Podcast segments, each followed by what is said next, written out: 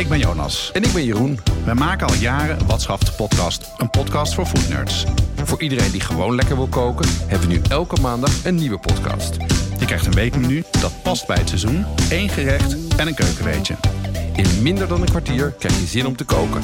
Met de recepten in de show notes kan je meteen aan de slag. Want bestellen kan altijd nog. Het is de week van 31 oktober, de week van Halloween. En wij vinden 1 Sint Maarten al meer dan genoeg. Meer dan. De winst van Halloween is dat iedereen pompoenen koopt. En die zijn overal te vinden, net als Savoykool. En de appels en peren zijn er ook nog volop.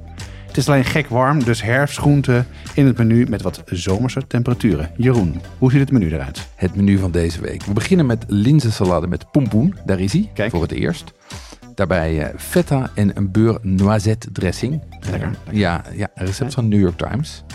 Ehm, en we hebben nog een recept van de New York Times, namelijk The Stew. Ehm, en dat is wat mij betreft het lekkerste vegan gerecht op eh, World Vegan Dag. Ehm, de dag waarop wij wel aardig zijn voor vegans. De vol- en woensdag? Woensdag eten we pasta met venkel en worst. Donderdag pompoensoep hey, met appel. En vrijdag amapo tofu uit het kookboek van Emma de Tours. Die is genomineerd voor het Gouden Kookboek. En vrijdag worden ook de, wordt ook de winnaar bekend. Dus als je luistert, dan zit je goed in de sferen. Ah, ik ben benieuwd. Oké, een paar dingen waar ik vragen over heb. Beurre noisette. Leg uit. Ik weet wat het is. Ik kan het alleen. eh, Het is mij nog nooit gelukt om het goed te krijgen. Ja, beurre noisette is boter die naar eh, hazelnoot smaakt. Ja? En dat krijg je door eh, boter te smelten en hem langzaam te laten verkleuren, te zorgen dat hij net niet verbrandt. Maar als je hem een beetje te warm maakt, dan krijg je zeg, als je hem warm maakt, op een gegeven moment wordt dan zeg maar die restjes melk, die er, melkvet die erin drijven, ehm, die karamelliseren. En daardoor krijg je een hele lekkere, warme, diepe eh, smaak. En als je dat dus gebruikt om je vinaigrette mee te maken, heerlijk. Maar de key is net niet verbranden. Bij Ja. mij verbrandt het namelijk altijd. Ja, dan moet je niet weglopen als het op het vuur staat. Maar gewoon niet te hard zetten. Nee, je moet hem niet te hard zetten. Je moet er even bij blijven. Ja, en dat je ruikt het eigenlijk als hij goed is. Ja. En wat wel belangrijk is, is eigenlijk dan meteen die olie eruit gooien. Want je kan natuurlijk hebben dat die restwarmte Oh, in die pan blijft zitten. En dat hij dus, dat jij wel, op- wel ziet als hij goed is, maar dat hij dan toch nog in die warmte blijft zitten. Oké. Hey, en ehm, eh, pompoen komt twee keer op het menu voor. Ja. Eh, eigenlijk drie keer in Halloween. Ja. Eh, waarom? Nou, de gedachte daarachter is eigenlijk dat pompoen is natuurlijk sowieso lekker. Maar wat bovendien zijn pompoenen best groot. Zeker als je, die, eh, als je een groter model koopt. Ja. Ehm, dus het idee is hier dat je die één keer roostert en daar vervolgens twee keer van eet. Ah ja. Dat is niet alleen efficiënt qua tijd, maar ook qua energie. En dat is natuurlijk ook niet onbelangrijk Ja. in deze tijden.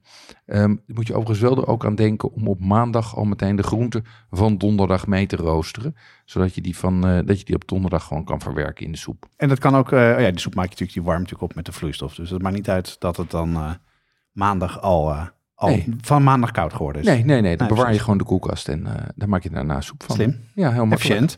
Hey, de stew. Ehm, klinkt interessant. Wat is dat? Ja, de- de- het is een van die Lekkerste vegan gerecht, ja, ja, dat is ik, nogal het is, ja, ik vind het echt heel lekker. Eh, het is een, is een recept wat eh, een van de recipes that broke the internet. Ah, ja? zeggen ze dan? Ja. Ja. Eh, het is een recept van Alison Roman van, van de New York Times. Of Romaine. Ik vergeet eigenlijk altijd hoe je dat moet uitspreken. Dat moet je niet aan mij vragen. Nee, ik lees het alleen, dus ik spreek het nooit uit.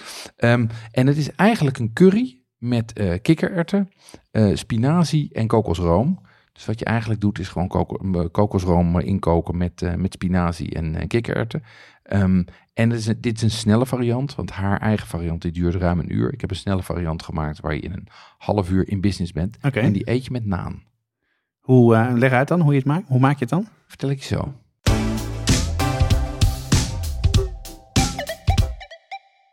Op onze site hebben we ruim 400 recepten staan. Maar voor meer dan 200 ingrediënten moet je toch echt even naar een speciaalzaak gaan of een toko. Ja, en vanaf nu kan je die dingen online vinden bij onze partner pimenton.be. Dat is de webshop voor foodies en hobbycooks. We hebben inmiddels al onze recepten gekoppeld aan een webshop. Bestellen gaat dus heel makkelijk. Het is alleen klikken op een link in de ingrediëntenlijst. Ja, en Pimenton zit in België, maar bezorgt in de hele Benelux voor 3,95. Ga naar pimenton.be om te bestellen. De stoel dus. Ehm ben erg benieuwd. Eh, leg eerst even uit hoe je het maakt en wat een beetje de, de, de hoofdstappen in het gerecht zijn. Nou, je begint met eh, kokosroom en groentebouillonblokje en santen te laten smelten. Ja? Ehm, en daar doe je eh, zeg maar anderhalf blik kikkererwten bij. En dat laat je heel zachtjes koken. En santen, wat is dat? Santen is eigenlijk de dikke variant van kokosroom. Je zou het ook kokosboter kunnen noemen. Eh, dat koop je bij de toko, maar ook grote supermarkten hebben het tegenwoordig. Het zijn gewoon een soort ja, blokken. die Ja, het zijn die blokken, Ja, hè? In, die in- karton zitten die. eh, ja.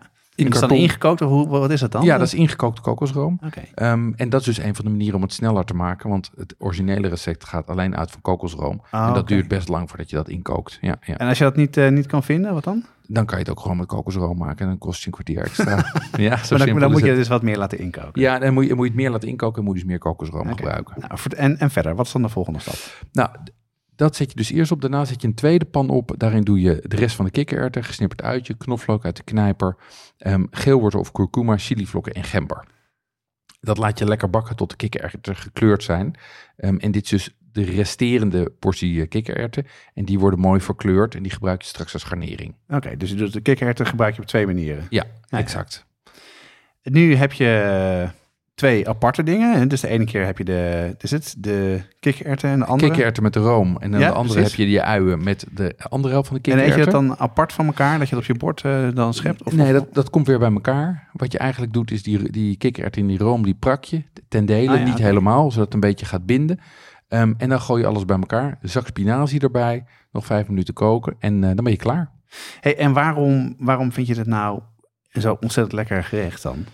Ja, het is zo lekker omdat het, omdat het hele diepe smaken geeft. Eh, die, die room met die kruiden, dat kookt mooi in. Dus dat heeft een soort van, een soort van Indiase eh, eh, swing. Zo'n curry-achtige? ja, curry. Lekker diep, Ehm, eh, ja. En ehm, door die, door die kikkererwt een beetje te pletten, bindt het ook. Ja, die spinazie geeft een, geeft een mooi contrast. En je dient het op met Griekse yoghurt, eh, chilivlokken, muntblaadjes, olijfolie en naan. Dus er Ah, zitten ook allemaal componenten in die je er een beetje zo met die naans uit kan scheppen. Dus dat doe je uiteindelijk als laatste eroverheen en dan gebruik je het brood om het te eten. Ja. En dan heb je dus inderdaad iets vers, eh, iets fris als munt. En dan, nou, klinkt heerlijk. Ja, is echt een heel goed gerecht. Nou, dat ga ik wel maken.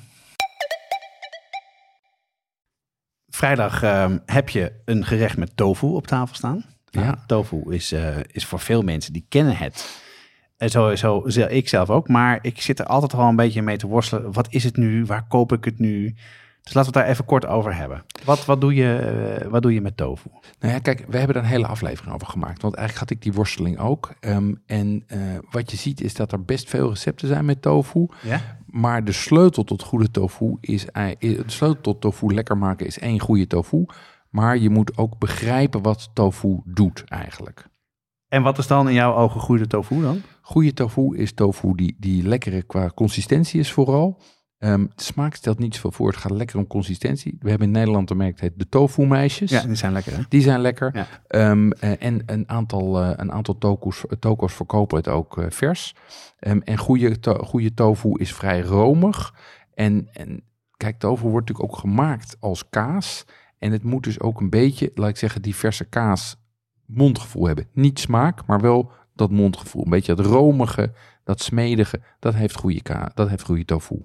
Ja, want dat is denk ik belangrijk om te begrijpen dat eh, tofu vaak de smaak opneemt van wat je maakt. En dat je hem echt moet, moet proberen te begrijpen. Wat bedoel je met begrijpen van de tofu dan? Nou ja, kijk, eh, tofu gaat vooral zelf over mondgevoel en voedingswaarde. Het is natuurlijk heel, heel gezond, er zit heel veel eiwitten in. Dus Ja. een hele goede manier om eiwitten binnen te krijgen. Maar qua smaak stelt het niet zoveel voor. En je moet het dus vooral waarderen om het mondgevoel. Ehm, en je kan het vervolgens gaan poffen of frituren of verkruimelen of rauw eten. En die zijn allemaal anders in je beleving. En, en wat, belangrijk- wat voor mij ook echt een inzicht is, is dat je smaak beter erop kan doen dan kan proberen erin te duwen. Oh, Want je- ook, want ook als je gaat marineren of zo, Ja, ja, ja. blijft toch een soort van spons met een smaakje. Ja. Terwijl als je hem gewoon in zijn geheel poft bijvoorbeeld en dan een dikke saus eroverheen doet, dan heb je wel dat mondgevoel en ook die diepte van die saus. En poffen bedoel je in de oven, dan wordt hij heel anders. Hè? Ja, ja, en ook het belangrijke is ook dat tofu, dat er verschillende soorten eh, diktes zijn. Hè? Ze zijn of heel erg, eh, zijn heel erg ge- gepressed tofu, Ja. waar, waar veel water uit is, ja, veel harder. firm. Ja, je, je hebt dus heel veel verschillende types, ehm, maar het belangrijkste is vooral dat je goede tofu koopt. Nou, en dan, is het echt, dan wordt het echt veel beter, toch? Dan wordt het veel beter. Alle recepten en links naar adverteerders staan in de show notes. En dit is een productie van Watschaft Podcast. Als je wil adverteren, dan kan je een mail sturen naar adverteren.watschaftepodcast.nl. Maandag zijn we er weer met een nieuw menu, een nieuw recept en een keukenweetje. Wat ook dan geldt, bestellen kan altijd nog.